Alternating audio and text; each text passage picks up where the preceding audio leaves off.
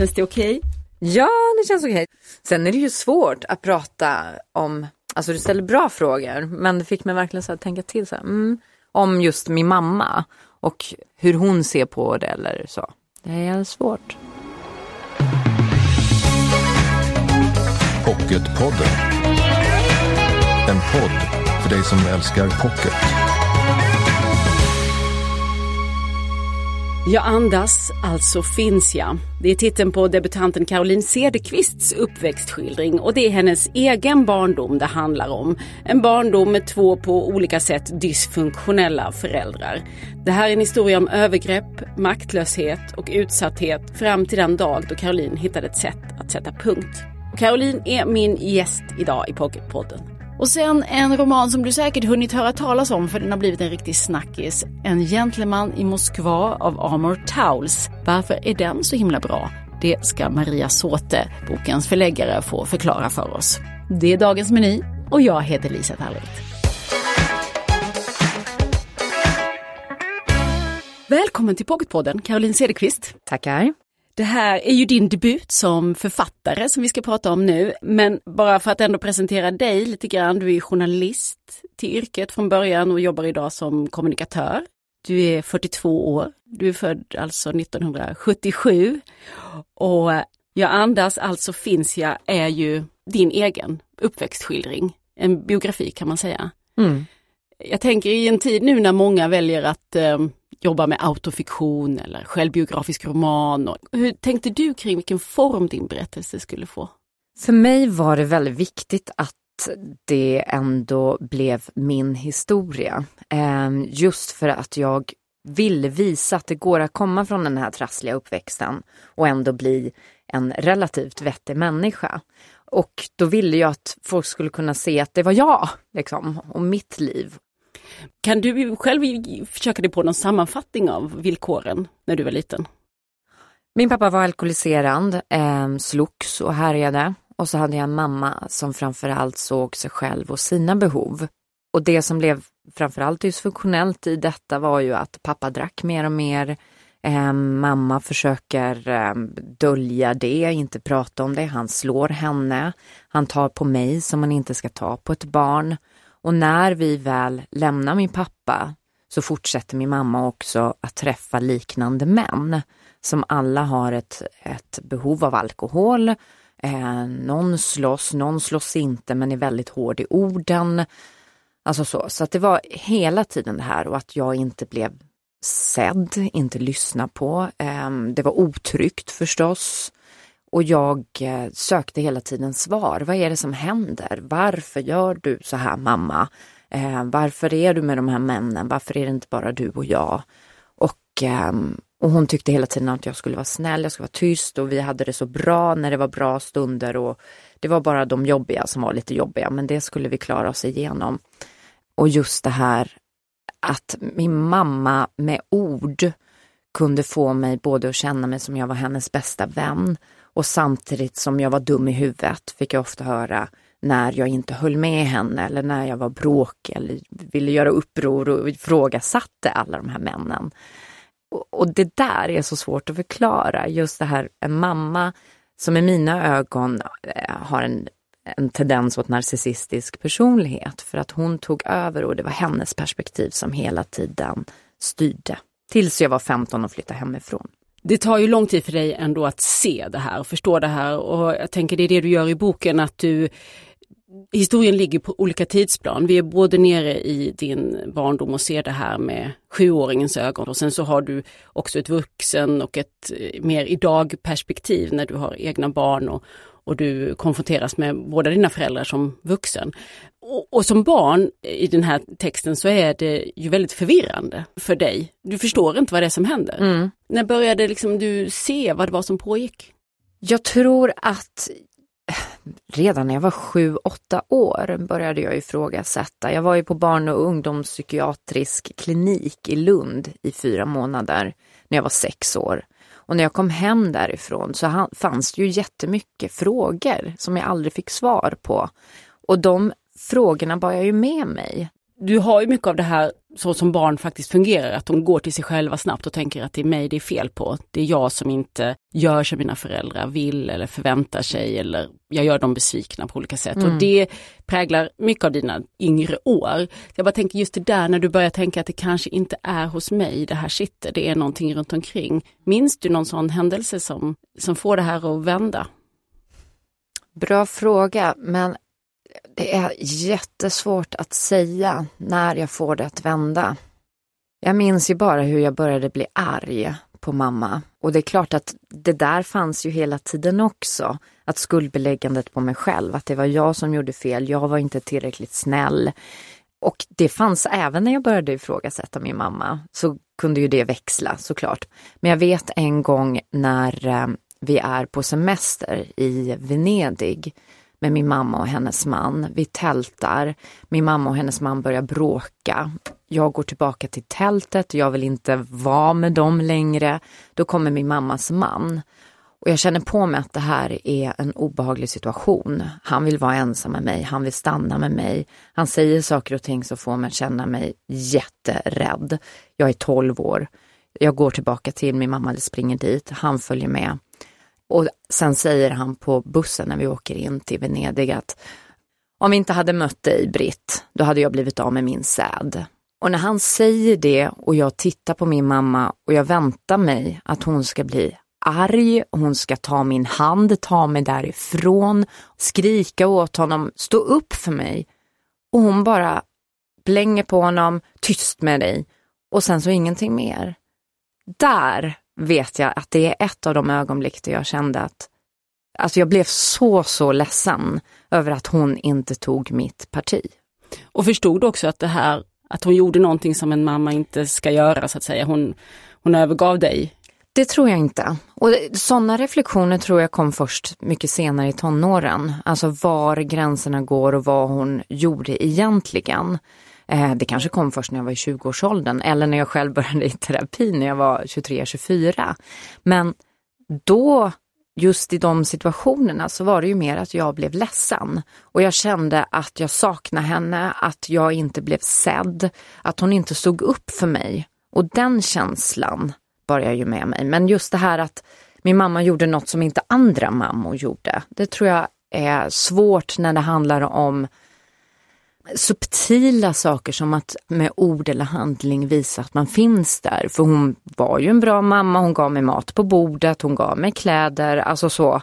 Så att det här, ja. Men det började ju väckas. Jag började ju prata med mina kompisar om det. Eh, jag började berätta om bråken hemma och de började ju väcka för mig att men din mamma är inte okej. Okay. Hon är inte som andra mammor heller och det var ju skönt att få det bekräftat. Och sen har du bearbetat det här i terapi under många år. Och sen kommer du till punkten när du vill skriva det här, ner den här berättelsen och göra en, en bok av det. Eh, hände det någonting då när du skrev Jag andas, alltså finns jag? Fick du syn på något som du inte hade sett tidigare? Ja men framför allt var det ju det här att se helheten på ett sätt som jag inte tänkt på det tidigare. Jag har ju de fragmentariska minnena. Men att sätta ihop dem till en kronologisk följd blir ju mycket, mycket starkare. Eh, det blev jobbigt och jag kände mig övertygad om att jag ville berätta den här historien och det var ju därför jag också började skriva den. Eh, dels för att jag tror att många kan känna igen sig med att inte bli sedda. Jag vill väcka frågor om mammor. Eh, jag tycker vi allt för ofta sätter mammor på pedestaler istället för att våga ifrågasätta även dem. Var det det som hände dig, tänker du? Var, det det, var din mamma untouchable? Ja, det tror jag. Eller det tycker jag. Eh, framför allt för att när jag började bli tonåring och började ifrågasätta och jag ville bryta med min mamma, då var det inte socialt accepterat. Och till och med mina nära vänner sa, men hon är ju din mamma, det är klart du ska ha kontakt med din mamma. Och vilket jag hade i många, många år, även efter jag gått i terapi. Det var bara att jag försökte skärma av henne, träffa henne så lite som möjligt i många år. Hur ser kontakt ut idag? Jag valde att säga upp kontakten för några år sedan, eh, där jag kände att vi har kommit till en punkt där hon tar alldeles för mycket energi Jag blev det lilla barnet som sökte bekräftelse. Hon tog och tog och det kändes aldrig som jag gav tillräckligt och det resulterade i att jag blev bara arg när vi sågs istället. Jag blev tonåren, i tonåren igen. Ja, jag mådde inte bra av relationen och därför kändes det viktigt att jag stod upp för mig själv och sa tack men nej tack, jag behöver inte dig i mitt liv.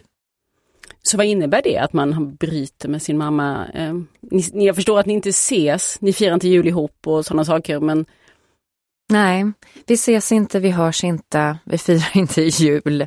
Eh, så jag har eh, verkligen noll kontakt med henne idag. Det är ju som att jag har velat ta det här beslutet i många, många år men inte gjort det. Utan för mig blev det som en lättnad när jag till slut tog det och kände att gud, nu kan jag verkligen andas och stå upp för mig själv. Det är så jäkla viktigt. Men um, nu är det du som har fått skriva din historia och, och, dina minnen och din upplevelse. Du har ju haft en ganska stor familj runt omkring dig med halvsyskon och din mamma lever ju fortfarande. Hur tänkte du kring det här att även om du har bytt, bytt ut förnamnen så, så är det ju såklart ändå en väldigt självutlämnande historia även för dem. Mm. Och det är klart att jag tänkte på det. Och det är just därför som jag bytte ut alla namnen i boken också. För jag är inte ute efter att hänga ut dem, alltså de personerna. Utan jag vill visa hur min uppväxt var. Och jag vill visa hur man eh, blir påverkad av en sån uppväxt, vad konsekvenserna blir när jag var tonåren och hur jag faktiskt tar tag i det och vänder det till att bli en ganska vettig människa till slut. Vet du hur de har reagerat på boken, din familj? Ja, jag vet hur några har reagerat och jag vet eh, att det inte har varit positivt hos vissa förstås. De är sårade och arga och jag eh, tar inte det ifrån dem. Jag försöker bara säga att det här är mitt sätt att visa vad jag har gått igenom och jag hade behov av att göra det. Och jag har inte varit ute efter att såra någon. Sen har, finns det andra i familjen som har tagit kontakt, mostrar och morbrödrar, eh, som inte har funnits där i mitt liv sedan jag var liten, som stöttar och även stöttar min bild av min mamma. Vilket värmer otroligt mycket. Men ingen säger du ljuger eller att det här är ju inte sant. Utan det är snarare hur kan du göra så här mot mamma? Det är ju det. Eh, en av mina bröder som jag inte har träffat på över 20 år. Han ringde mig också inför att den här skulle bli utgiven och sa men varför gör du så här? Vi vet att allt det här har hänt, men måste du hänga ut mamma? Och vad är ditt svar då? Ja, men att jag blir, jag blir irriterad eh, för att det är så vi har levt med att hålla allting inom familjen och alla hemligheter och allting. Och det har inte gjort någon lyckligare. Jag tror att vi snarare skulle behöva prata mer om saker och ting som sker just inom hemmets väggar än att det ska stanna inom hemmets väggar för att öka förståelsen, öka att man själv känner sitt eget värde. Allt det där. Vi måste våga se det som sker. Eller som sexuella övergrepp. Vi pratar för lite om det. Då blir det ju att skulden läggs på de som blir utsatta istället för att den läggs på de som faktiskt utför handlingarna. Och det gör mig arg. Mm. Så den här tysthetskulturen tror jag inte på. Hade du velat höra din mammas version? Min mamma har en annan version, jag vet om det. Och det handlar ju om, eller det här är ju min bild förstås, att hon har inte möjligheten att se något annat än hennes eget perspektiv. Och det är att hon var en bra mamma. Har, hon har varit offret. Hon har råkat ut för hemska män. Eh, men jag tycker, som vuxna Caroline när jag ser tillbaka, att hon hade visst ett ansvar. Hon hade kunnat göra så mycket annorlunda så många gånger. Ett eh, problem som, eh, som din mamma tycks ha i boken och som du själv också drabbas av, det är att det blir väldigt viktigt att få mäns bekräftelse. Ett ideal som slår hårt mot många kvinnor. Kan det finnas någon, någonting förlåtande i det när du tittar på din mamma? Mm. Absolut, det kan jag förstå och jag kan vara förlåtande över det. Och likväl, även om en människa är ett offer, så har man också sig själv och sitt eget ansvar. Att faktiskt se andra runt omkring sig, se sina barn. Jag vet ju att jag själv när jag var i tonåren var ju på väg att bli som henne. Jag gick in i destruktiva relationer. Eh, jag ville inte se bakåt, jag ville bara se framåt. Jag ville bara ha kul. Absolut inte analysera eller reflektera överhuvudtaget. Och det jag märkte var ju att när jag rasade till slut så var det ju en, en lättnad också på något sätt. Att, att nå den här depressionen, att vakna till liv och inse att men så här vill jag inte leva. För jag är ingen god människa. Jag var elak mot folk runt omkring mig. Jag brydde mig egentligen inte om människor. Jag ville att folk bara skulle se mig, mig, mig och älska mig. Istället för att tycka om mig för den jag är. Så att, ja. Du är ju ute efter en del svar i, i boken. Du vill försöka förstå, framförallt när din pappa ligger för döden som han ju gör här och som du skildrar i boken. Då har ni inte haft kontakt på många år men när du får veta att, att han närmar sig slutet och söker du upp honom för du tänker dig att du ska få svar. Vad är det du vill ha svar på? Jag vill ha svar på varför han drack, varför han slogs, varför han tog på mig, varför han blev den han blev. Ehm, jag fick en del svar, men jag fick långt ifrån tillräckligt. Ehm, och jag tror att, precis som med min mamma, att de kan inte analysera på det sättet eller se det på det sättet utan de tycker bara, men så här var det bara. Men att, du har det, du kan analysera. Tycker du själv att du har fått svar även om du inte kanske får dem liksom ordagrant från dina föräldrar? Jag har inte fått alla svar. Jag har inte fått svar vare sig från mamma eller pappa varför de är som de är eller var som de var. Men jag har nöjt mig med det också på något sätt, att det går inte att få alla svaren. Och så är det. Vi är ju ganska präglade av en sån här enkel psykologisk förklaringsmodell att dålig barndom ger dålig människa på något vis, eller hur? Mm. Att man gärna vill ner där och söka, vad var det föräldrarna gjorde eller så. Men du är ju själv någonstans ändå ett bevis på att det måste inte vara ett sånt fullständigt kausalt samband, eller hur? du borde ju, du borde ju varit någon helt annanstans idag egentligen om man skulle tänka sig att allt sätts i barndomen. Vad, mm. vad är det som gör att, vad tror du gör att du ändå liksom sitter här idag då och har tagit distans till allt det här och inte bara upprepar alla mönster? Jag tror att det finns flera saker. Dels att jag fick tidigt, alltså när jag var 12-13 och väldigt nära vänner. Jag var mycket hemma hos dem, jag fick se deras värld och de fick mig att öppna ögonen och förstå saker och ting. Sen att jag också sysslade med teater i många år, från det jag var 14 år och hade det vid sidan av skolan hela tiden så blev det som en parallellvärld där allting var tryggt, skönt, det var vänner, det var äldre människor, det var yngre, alltså det var alla åldrar. Så att jag fick ett sammanhang och slutligen såklart terapin, att jag faktiskt rasade ner i en jättedepression, inte ville leva, hamnade hos en bra psykolog som jag gick hos i flera år. Det hjälpte mig ju otroligt mycket. Och hon var så bra. Hon gick inte bara på min linje utan var verkligen kritisk, ifrågasättande så att jag var tvungen att växa. Du verkar ju som en väldigt lättad människa idag, bara vid sånt här första intryck. Och du pratar mycket om alla vinsterna med att ha skrivit den här boken och med att ha brutit kontakten med dina föräldrar. Men har det kostat dig någonting det här? Svår fråga. Um, det har inte kostat mig relationerna, för de var redan över när jag valde att skriva boken. Däremot, så jag tänker på min dotters perspektiv. Och hon har ju inte en mormor närvarande i sitt liv, vilket hon inte fanns heller innan jag skrev boken. Men det blir ju svårare nu eh, när min dotter säger, men jag, vem var mormor? Vem är hon egentligen? Eh, och börjar själv ställa frågor. Hon är tio idag, hon kanske vill träffa henne en dag. Och då är det så, ja, det är klart att du ska göra det om du vill det. Du får vänta några år till och sen får du träffa henne. Men där kan jag ju se att jag har påverkat, fast jag vet också att, eller jag har gjort bedömningen att min mamma är inte värd eh, så mycket att hon ska finnas i vårt liv, för hon skulle vara hon är ingen bra mormor heller. Har din dotter läst boken? Nej, hon har inte läst boken. Det får hon göra när hon blir 15. Har du sagt det till ja, henne? det har jag gjort. Det är 15-årsgräns ja. på den här. Ja, men du, okay, du är 42 år idag. Mm. Fortfarande en ungdom, skulle, oh, ja. jag, skulle jag vilja säga. Känner du dig färdig med det här nu? Färdig med min uppväxt? Mm. Jag tror att det är någonting man alltid bär med sig. Men ja, jag ser ju allt det fantastiska i livet som finns här och nu. Och jag väljer att uppskatta det som finns. Jag väljer att uppskatta att vara med min dotter, att vara med mina vänner, allt det enkla, vackra, fina. Och kanske uppskattar jag det lite, lite mer just för att jag har den där bakgrunden. Men det är en balans att se framåt och samtidigt inte glömma vad jag har med mig. Mm. Det är ju inte så att jag sitter ofta och reflekterar över min barndom. Jag kan reflektera över det kring jul, när det är familjehögtider och så. Och det tror jag kommer bli allt mer sällan för jag skapar ju hela tiden nya minnen som är viktigare och starkare och är här och nu. Det här är din debut och det är din eh, självbiografi. Har du fler berättelser i dig? Absolut!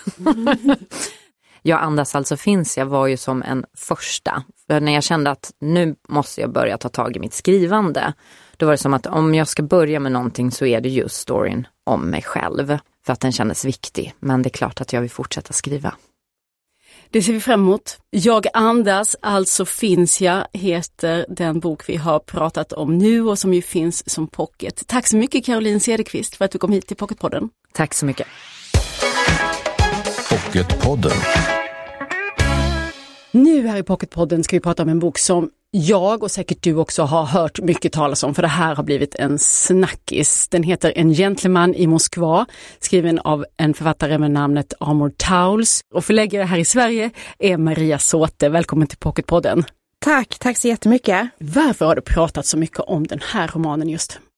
Jo, men alltså man har ju till och med skrivit artiklar, bland annat Washington Post har haft en stor artikel om varför den här boken har blivit ett sånt fenomen. Och vad de, alltså de har många olika teorier, men jag tror framför allt att den är allt som Trump inte är. Om man ska, så här, kortversionen. Ja, då får du nästan förklara, förklara lite mer vad det är man får. Nej, men jag tror alltså att det blir en bok att hålla i handen när hela världen faller samman. Så finns den här fina boken om den här greven som är som sagt var allt som Trump inte är och den värld han lever i och det han står för och hans moral och och själva handlingen är en greve som lever på ett hotell, är det så, i Moskva? Ja, men precis. Alltså det här hotellet, Hotell Metropol, finns i verkligheten och ligger mittemot Kreml. Och när boken börjar så går han från en rättegång där han har blivit, alltså han har med nöd och näppe klarat livet. Han har bott i några år på det här Art Nouveau-hotellet, men i en lyxsvit och nu ska han bli flyttad upp till en vindsvåning och där måste han stanna hela livet. Går han någonsin utanför hotellet så sätter de honom i fängelse eller tar hans liv. Vilken tid befinner vi oss i? 1922, mm. så det är precis efter revolutionen. Alltså hela boken, vilket ju är fantastiskt att han har lyckats med det här i 600 sidor, eller vad boken är, utspelar sig ju i det här lilla, lilla vindsrummet. Men utanför pågår ju världshistorien, så att säga, som också kommer in så via andra gäster på hotellet.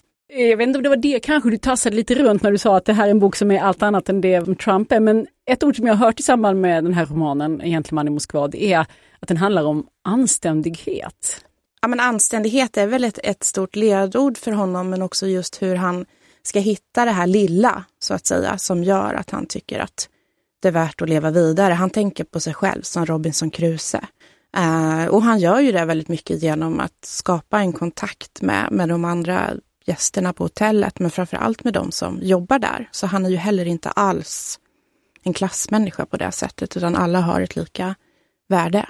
Visst är det intressant att man, det säger ju någonting om vår tid, att man säljer in en roman liksom marknadsför den med begreppet anständighet. Sen när kunde man tänka sig att det skulle locka någon enda mm, människa? Ja, nej, men alltså det är också väldigt roligt för han måste ju ha skrivit den här boken långt innan. Utan det här är ju bara just att man har undersökt. Den blev ju en sån mega, mega hit och är ju fortfarande, alltså år efter år när man är i USA och besöker bokhandeln. Och bokhandeln i USA är ju väldigt olik den svenska för att det är så mycket mer varierat eh, utbud. Men det här är ju den boken som ja, inne på tredje året syns mest överallt. Obama och Bill Gates och så har liksom plockat upp den här boken och, och tipsat. Och... Men den är egentligen inte politisk på det sättet? Nej, den det är den ju inte. inte samtidspolitik eller Nej, så? inte alls. Det som, som jag tycker om med den som är ju den här oväntad vänskap som finns också. Hur han blir vän med de som jobbar på hotellet och en liten flicka som är väldigt mycket på hotellet. Hon får ju såklart komma ut, men hon är där med en pappa som är diplomat, så hon är mycket på hotellet, så blir de vänner och ja, det där det är härligt innehåll i en bok tycker jag. En riktig romanroman. Ja, det är ju verkligen en romanroman och det, det är någonting som vi inte ser så mycket av just nu. Så jag tror att det är också en av anledningarna till att den har blivit så stor. Det är ju verkligen en roman att få sjunka i, i en annan värld om man direkt bara är på det här hotellet. Mm, låter underbart. Kan du presentera författaren lite för oss? Amor Towles, vem är det? Ja, nej men alltså han, är, han har varit i finansbranschen i jättemånga år och sen så skrev han en eh, jättehit för några år sedan som gjorde att han eh, kunde sluta jobba. Så nu är han heltidsförfattare. Så, så att, och vi ville bjuda hit honom till, till Sverige när den här boken kom, men han hade så fullt upp med just bara att pocketboken släpps. Han är ju liksom gigantisk i, i USA. Och den här boken faktiskt också ska bli eh, tv-serie. Alltså, det säger man ju alltid, men den här håller på att spelas in just nu. Den här gången är det sant. Ja, den här gången är det sant och det är då Kenneth Branagh som spelar den här greven. Jag vet inte när den kommer, men kommer gör den. Mm. Men tills dess så finns ju boken här. Precis. Den ska precis. man ju alltid läsa först. Ja. En gentleman i Moskva heter den alltså, Amor Towles. Tack så mycket Maria Såte, Tack.